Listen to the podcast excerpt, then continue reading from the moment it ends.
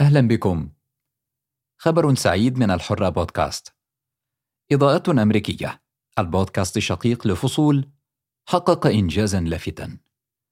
إضاءة الرحلة حلقة إضاءات عن المجتمع اليهودي الأمريكي فازت بالجائزة البرونزية لأحسن تحرير كما أعلنت جوائز سيجنال العالمية. برونزية سيجنال خطفها إضاءات أمريكية من بين 1700 بودكاست تقدمت للجائزة. احتفالا بالفوز وتقديرا للمحتوى الصحفي القيم في إضاءات أمريكية. هذه حلقة خاصة من فصول. فرصة لك عزيزي مستمع فصول لتتعرف على إضاءات أمريكية.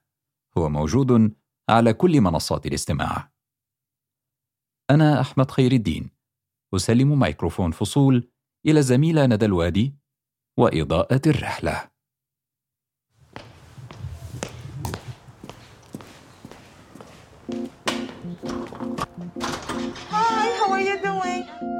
وجه جميل باسم استقبلني في روديف شالوم I have an appointment with uh, Rabbi Jeffrey. Jeffrey? Oh, Jeffrey Sachs. Jeffrey Sachs? Yes. Okay, he would be upstairs. صعدت درجات قليلة في طريقي للقاء الحاخام I am Nada.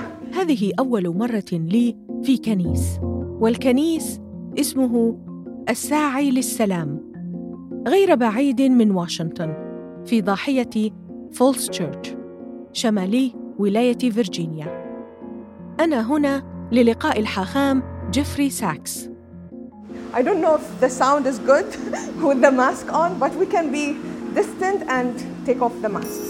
I'm that's okay with you. I'm okay with doing that. I'm vaccinated. I'm vaccinated too. Okay. لا بأس أن نخلع الأقنعة وسنحافظ على مسافة آمنة I guess we are ready.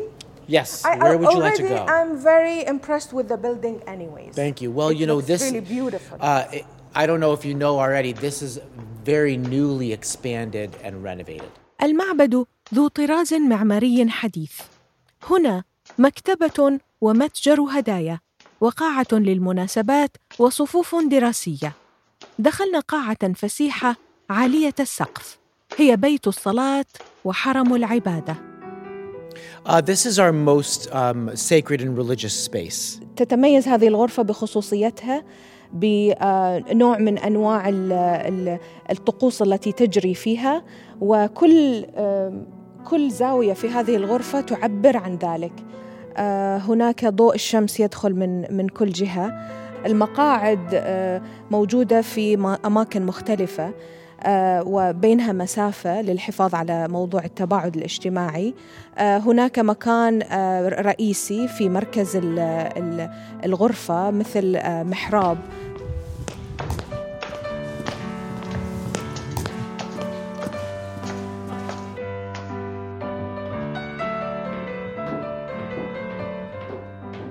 انتهيت من جولتي. مشيت في بهو الكنيس إلى الطابق الثاني. وانتظرت أمام المكتبة ذهب الحاخام ساكس لبعض شؤونه صرت أتصفح عناوين الكتب المصفوفة وراء حائط المكتبة زجاجي كتب للأطفال ووصفات لأطباق يهودية مرت سيدة أنيقة Thank you. We are waiting for the rabbi. سألتني إن كنت أحتاج المساعدة أخبرتها أنني في انتظار الحاخام the rabbi Nice to meet you. All right. فاجأتني بأنها هي أيضا حاخام بل اكتشفت لاحقا أنها senior rabbi حاخام أول. كانت هذه المفاجأة الأولى لي في روديف شالوم لكنها لن تكون الأخيرة. هذه إضاءة جديدة من أمريكا. أنا ندى الوادي.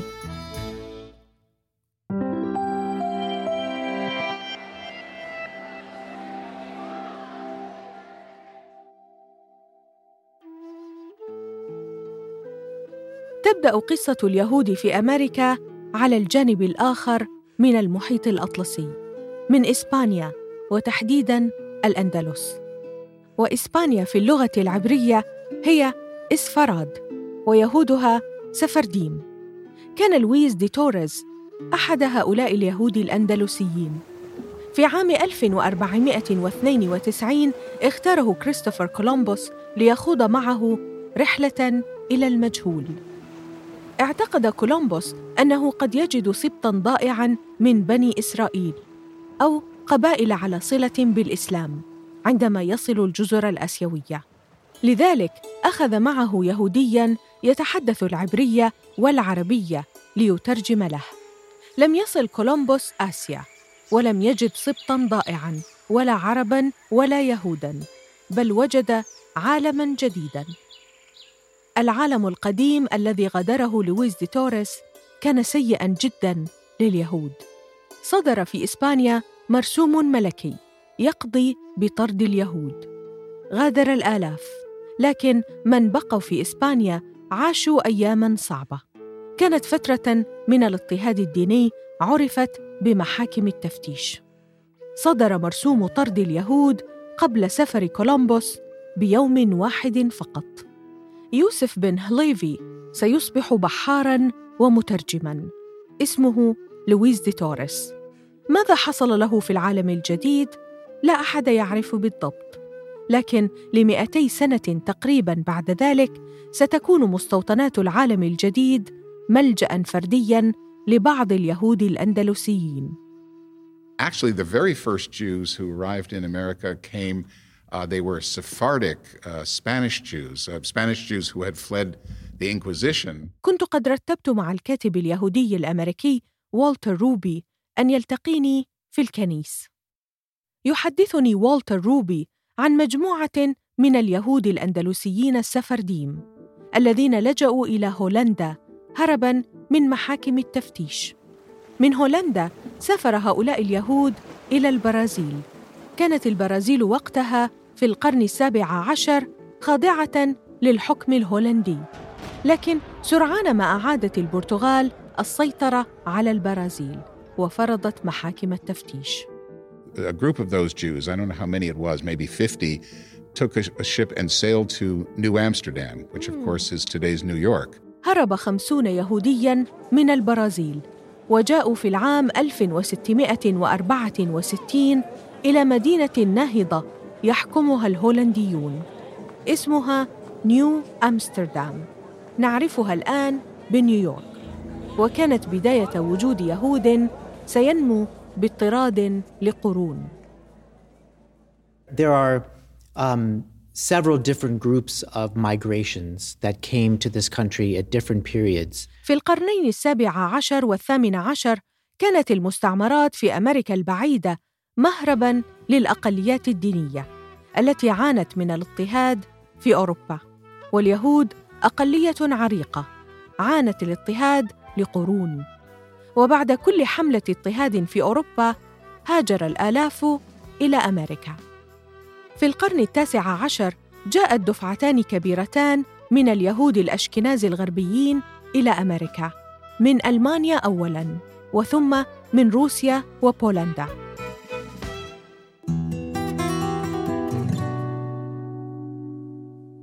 We're welcomed into this country, but at the same time, Jews have also uh, suffered from discrimination. يقول لي الحاخام جيفري ساكس إن الولايات المتحدة فتحت ذراعيها للمهاجرين اليهود لكن الوضع لم يكن مثالياً فمعاداة السامية كانت موجودة ولا تزال Jews generally feel very well accepted now in America, um, but we do feel still uh, a minority status, which is uh, interesting in many ways. في الولايات المتحدة اليوم مجتمع يهودي كبير سبعة ملايين ونصف المليون واليهودية جزء أساسي من النسيج الاجتماعي الأمريكي. اليهود مندمجون بشكل جيد، لكنهم يظلون أقلية صغيرة. هم أكثر بقليل من 2% من السكان، لكنهم يشعرون بقوة بوضعهم كأقلية. هذا ما قاله لي الحاخام جيفري ساكس. Well, I think every every community in America goes through uh, a period of assimilation uh, over the generations uh, and a process of becoming more and more um, American while at the same time holding on to its own culture in certain ways. الأجيال الجديدة من اليهود الأمريكيين أكثر اندماجاً في المجتمع الكبير وأكثر أمريكية. مؤسسات المجتمع اليهودي الأمريكي تحاول الحفاظ على الهوية الثقافية للأجيال الجديدة. خصوصاً أن غالبية اليهود الأمريكيين ليسوا مهاجرين أو أبناء مهاجرين، بل هم أحفاد وأحفاد أحفاد المهاجرين. My father's family, which came from Russia, uh, basically uh, before the Russian Revolution, so we're talking about 1880, 1890, so they go back that far. حدثني الكاتب والصحفي والتر روبي عن عائلته عمره تجاوز السبعين وأبوه مولود في أمريكا هاجر جداه لأبيه إلى نيويورك من روسيا قبل 140 عاماً On the other hand, my mother herself was a, was a refugee who came here fleeing from Nazi Germany.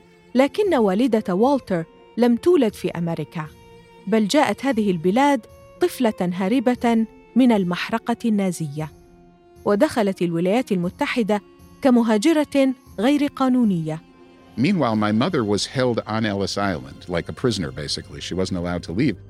عانى اليهود الهاربون من جحيم النازية أشد المعاناة في محاولاتهم للهرب وفي أمريكا أصدرت في العشرينيات قوانين هجرة مشددة منعت دخول الكثيرين من الهاربين. احتجزت والدة والتر في جزيرة أليس في نيويورك ولم يسمح لها بالدخول. ساعدتها منظمة تسمى هايس وشهد قاض بأنها قريبته. فدخلت البلاد وصارت أمريكية. أمريكية تحب بلادها الجديدة لكنها تعرف أن هذه البلاد ليست مثالية She loved this country. She spent the rest of her life here. You know, she lived to be 80. And, um, and she tr- contributed a tremendous amount. But at the beginning, you know, she, nobody cared. You know, nobody, she was just an illegal, you know. So it was interesting that she loved America deeply, um, but she didn't. She didn't have. She didn't say like, "Oh, America is perfect." She knew it wasn't perfect, you know. سجل اليهود حضورا بارزا في حركة الحقوق المدنية وهم معروفون تاريخيا بدعمهم للمطالب الحقوقية والليبرالية في الولايات المتحدة قبل ذلك في الخمسينيات كان الأفارقة الأمريكيون في ولايات الجنوب يعانون من قوانين الفصل العنصري I do remember one incident when I was nine years old. We lived in Pittsburgh in the north, and we came. We were going for the first time to the south, and um, we got to this. Um, you know, we got to this uh, restaurant, a, a diner, and my, you know, so we came there, and um, I went to the bathroom, and I when I when I walked in, I saw there were four bathrooms, white men, colored men, white women, colored women. This was 1959. So my mother felt very passionately, as a Jew, how can this be? يتذكر والتر عندما كان عمره تسع سنوات وشاهد الفصل العنصري لاول مره وجها لوجه. كان ذلك في مطعم في فيرجينيا ولم يكن من المسموح للبيض والأفارقة أن يتشاركوا المرحاض ذاته. يتذكر والتر ردة فعل والدته وكيف آلمها واقع الفصل العنصري وكيف كانت ترفضه بناء على قناعاتها كيهودية. التاريخ الطويل من الملاحقة والتمييز الذي تعرض له اليهود يدفع مؤسساتهم للتضامن مع الضحايا والفقراء واللاجئين في هذه البلاد. تذكرت جينيفر أو جن كما كنا نسميها. صديقة أمريكية تعرفت عليها منذ سنوات طويلة. هي ناشطة نذرت حياتها لمساعدة الفلسطينيين وكانت يهودية. عرفت جن لسنوات لكنني لم أعرف ديانتها إلا بالصدفه كانت صدفة غيرت الكثير مما عرفته شخصيا كعربية مسلمة ولدت ونشأت في المحيط العربي عن اليهود.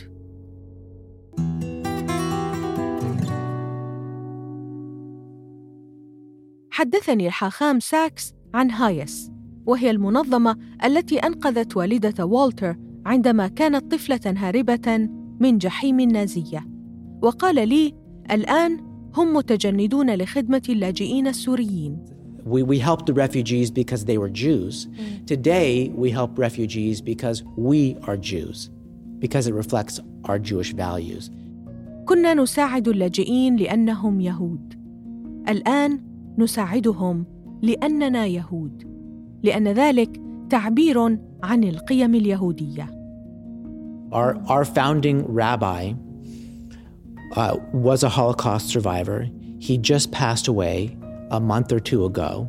So we are, as a community, very much in the middle of that transition that I'm talking about.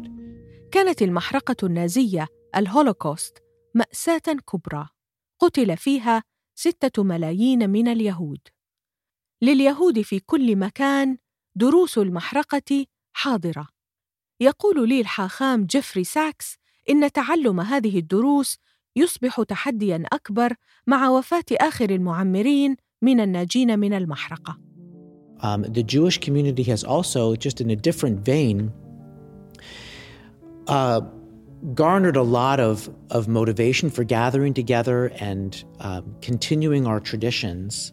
يقول ساكس ان تجربه المحرقه دفعت اليهود للتحدي وللتاثر لكن مع مرور الوقت يجد اليهود اسبابا جديدة للحفاظ على الهوية الثقافية في مجتمع أمريكي متنوع. والتنوع صفة أصيلة في المجتمع اليهودي الأمريكي ذاته. It forces us as a community to find the other reasons to uh, remain connected to our Jewishness. الحاخام ساكس شاب حليق الذقن. يرتدي الملابس المدنية. وفي هذا المعبد رتبة الحاخام يتشاركها الرجال والنساء. روديف شالوم كنيس يتبع المدرسة الإصلاحية. يقول مركز بيو للأبحاث إن أعدادا متزايدة من اليهود الأمريكيين خاصة الشباب الذين نشأوا في بيوت تتبع المدرسة الأرثوذكسية يتحولون للمدرسة الإصلاحية. وهي مدرسة فكرية ودينية تشدد على قيم المواطنة والانتماء الإنساني وحقوق المرأة والعدالة الاجتماعية. في مجتمع مفتوح يحترم حرية الاعتقاد. في المجتمع الأمريكي غالبية من ولدوا يهودا يظلون يهودا. هناك أقلية من اليهود الأمريكيين تعرف انتماءها اليهودي بالثقافة والعرق فقط لكن الغالبية تجمع في انتمائها اليهودي بين الدين والعرق والثقافة.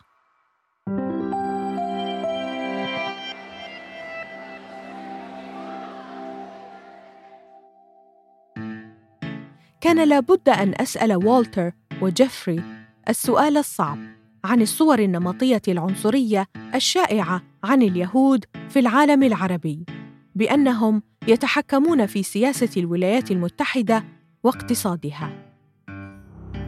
I mean, there was one uh, uh, point that I wanted to mention, uh, maybe political, I guess. In the Middle East, generally, when people look at the United States and think about Jewish Americans, there is a stereotype about Jewish Americans basically control the politics of DC. The Jewish Americans have their own agenda, all these kinds of ideas.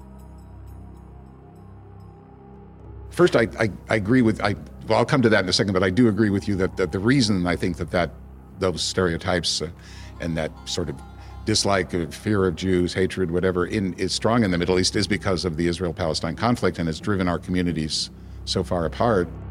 قال والتر ان هذه الصور النمطيه شائعه بالفعل في الشرق الاوسط وانه واجهها خلال عمله الصحفي هناك فسر الامر بتداعيات الصراع الفلسطيني الاسرائيلي وقال ان بعض هذه المقولات تتجاوز التنميط إلى الكراهيه والعنصريه الواضحه I think that the Jewish community has been successful, and um, that the uh, some Jews have, uh, you know, attained uh, powerful positions. Um, the Jewish, commu- um, you know, but the idea that we're all like working as one, you know, as one collective to do whatever, you know, to take, you know, to sort of take over the world, which was an old uh, something called the Elders of Zion, which goes back to a hundred more years.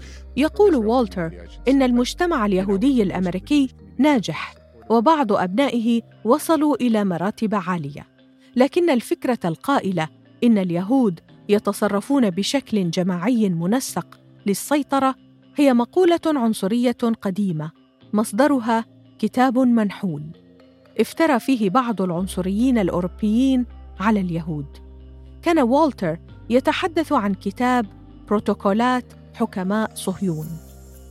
هل أقول له إن هذا الكتاب المكذوب تباع نسخته العربية على أرصفة الشوارع في أكثر من مدينة عربية زرتها؟ You know, we're not all one block. You know, people, there's Jews have very diverse opinions, first of all, on on, on Israel Palestine on that issue, on many other issues, you know. And some Jews some Jews are Republicans and some Jews are Democrats, and and and uh, so we're all over the map, and you know, and we compete and we you know struggle with each other. And, لسنا uh, that you هذا ما يقوله والتر اليهود ينتمون لاحزاب مختلفه ولهم اراء متباينه حول القضية الفلسطينيه وغيرها من القضايا Um, there, I, I think there has been a, a pretty, a there has been what was called the the pro-Israel lobby. It's true that that that exists, and that has been. Uh, I think the the Jewish community. Uh, you have APAC, which is uh, pretty much, you know, let's say supportive of whatever the government of Israel is is advocating. Uh, but then you have a group like J Street, which is a, which is a uh, liberal advocacy, which says we, which also says uh, we are pro-Israel, but we want to see in we we want to see an Israel where this terrible conflict between Israelis and Palestinians is solved, and so for that there has to be concessions on both sides. يقول والتر إن اليهود الأمريكيين لهم ارتباط خاص بدولة إسرائيل، وهي الدولة الوحيدة في العالم التي تسكنها أغلبية يهودية. لكن في أمريكا يتوزع اليهود الداعمون لإسرائيل على مجموعتي ضغط. اللوبي الأول هو أيباك الذي يدعم أي حكومة في إسرائيل مهما كانت سياستها. واللوبي الثاني هو جي ستريت الذي يدعم إسرائيل كدولة لكنه ينشط أيضا في الدعوة إلى حل سلمي للصراع الفلسطيني الإسرائيلي Yeah, well, there's so much to say about Yes. your your wonderful question. Yes. Yeah. Um, yeah, the, the the Israel lobby, um, the APAC Israel lobby, is uh, is a, a very successful lobby. I would add, though, that the American support for Israel is, I don't feel, is principally based on lobbying or. or يقول الحاخام جيفري ساكس ان ايباك لوبي ناجح لكن الدعم الامريكي لاسرائيل مدفوع بمصالح استراتيجيه امريكيه أكثر من كونه نتيجه لجهود ايباك يقول أيضا إن هناك الكثير من الداعمين الأمريكيين لإسرائيل ممن ليسوا يهودا. ويضيف إسرائيل مهمة جدا لليهود في كل مكان. لكن سياسيا يدور جدل دائم في المجتمع اليهودي الأمريكي حول إسرائيل. The Jewish community is very diverse in its opinions about Israel. سألت الحاخام جيفري ساكس والكاتب والتر روبي هل يمنح اليهود الامريكيون اصواتهم في الانتخابات بناء على اعتبارات محليه ام لمن يدعم اسرائيل أكثر To what extent is the community, the Jewish community, actually consumed with the international affairs compared to actually their own issues in their own communities? That's a very interesting question. I think قال الحاخام ساكس إن كثيرين في المجتمع اليهودي الأمريكي لم يوافقوا على سياسة الرئيس باراك أوباما تجاه إسرائيل واعتبروها أشد مما ينبغي لكنهم صوتوا له بغالبية كبيرة لاعتبارات سياسية أخرى you know, President Trump was the pr- most pro-Israel president that, uh, you know, and, and did all these things, you know, recognized the Israeli annexation of Jerusalem, the annexation of uh, uh, Golan Heights, and, and, and many, uh, you know, many, and yet he got, I, I've seen different estimates, 25 to 30 percent of the Jewish vote, which is basically what the Republicans have mostly done.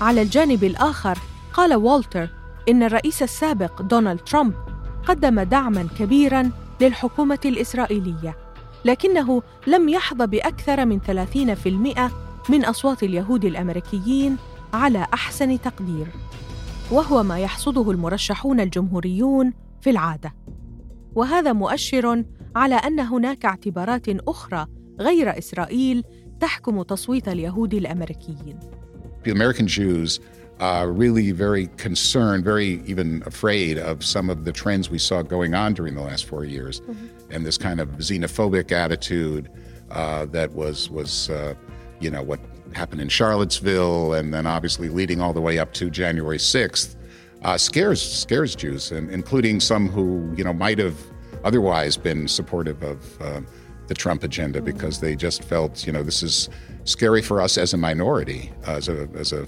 religious minority. اليهود الامريكيون اقليه دينيه اولا وقبل كل شيء واي خطاب كراهيه أو معاد للاقليات يخيفهم ويدفعهم للنفور حتى لو لم يكن موجها لهم بشكل مباشر.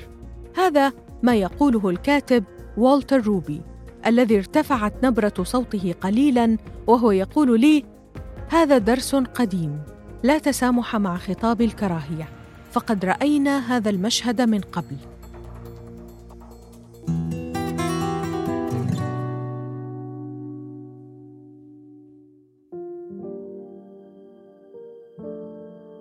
لكن أمريكا مختلفه اليهود شعب لاحقته المذابح والتمييز العنصري لقرون وفي أمريكا وجد ملايين من ابنائه وطنا فما هو السر and that that that anyone from wherever they are, from whatever background, can aspire to can become uh, fully American.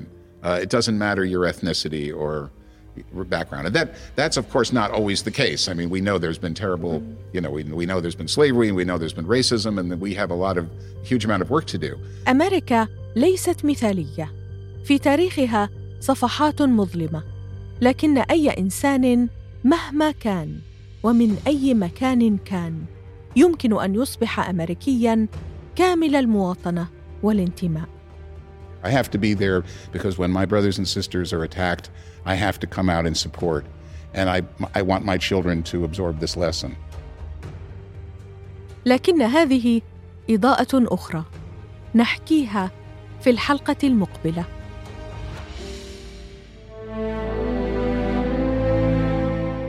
معا نروي فصول الحكاية استمعوا لنا على تطبيقات Apple و Google و Spotify و SoundCloud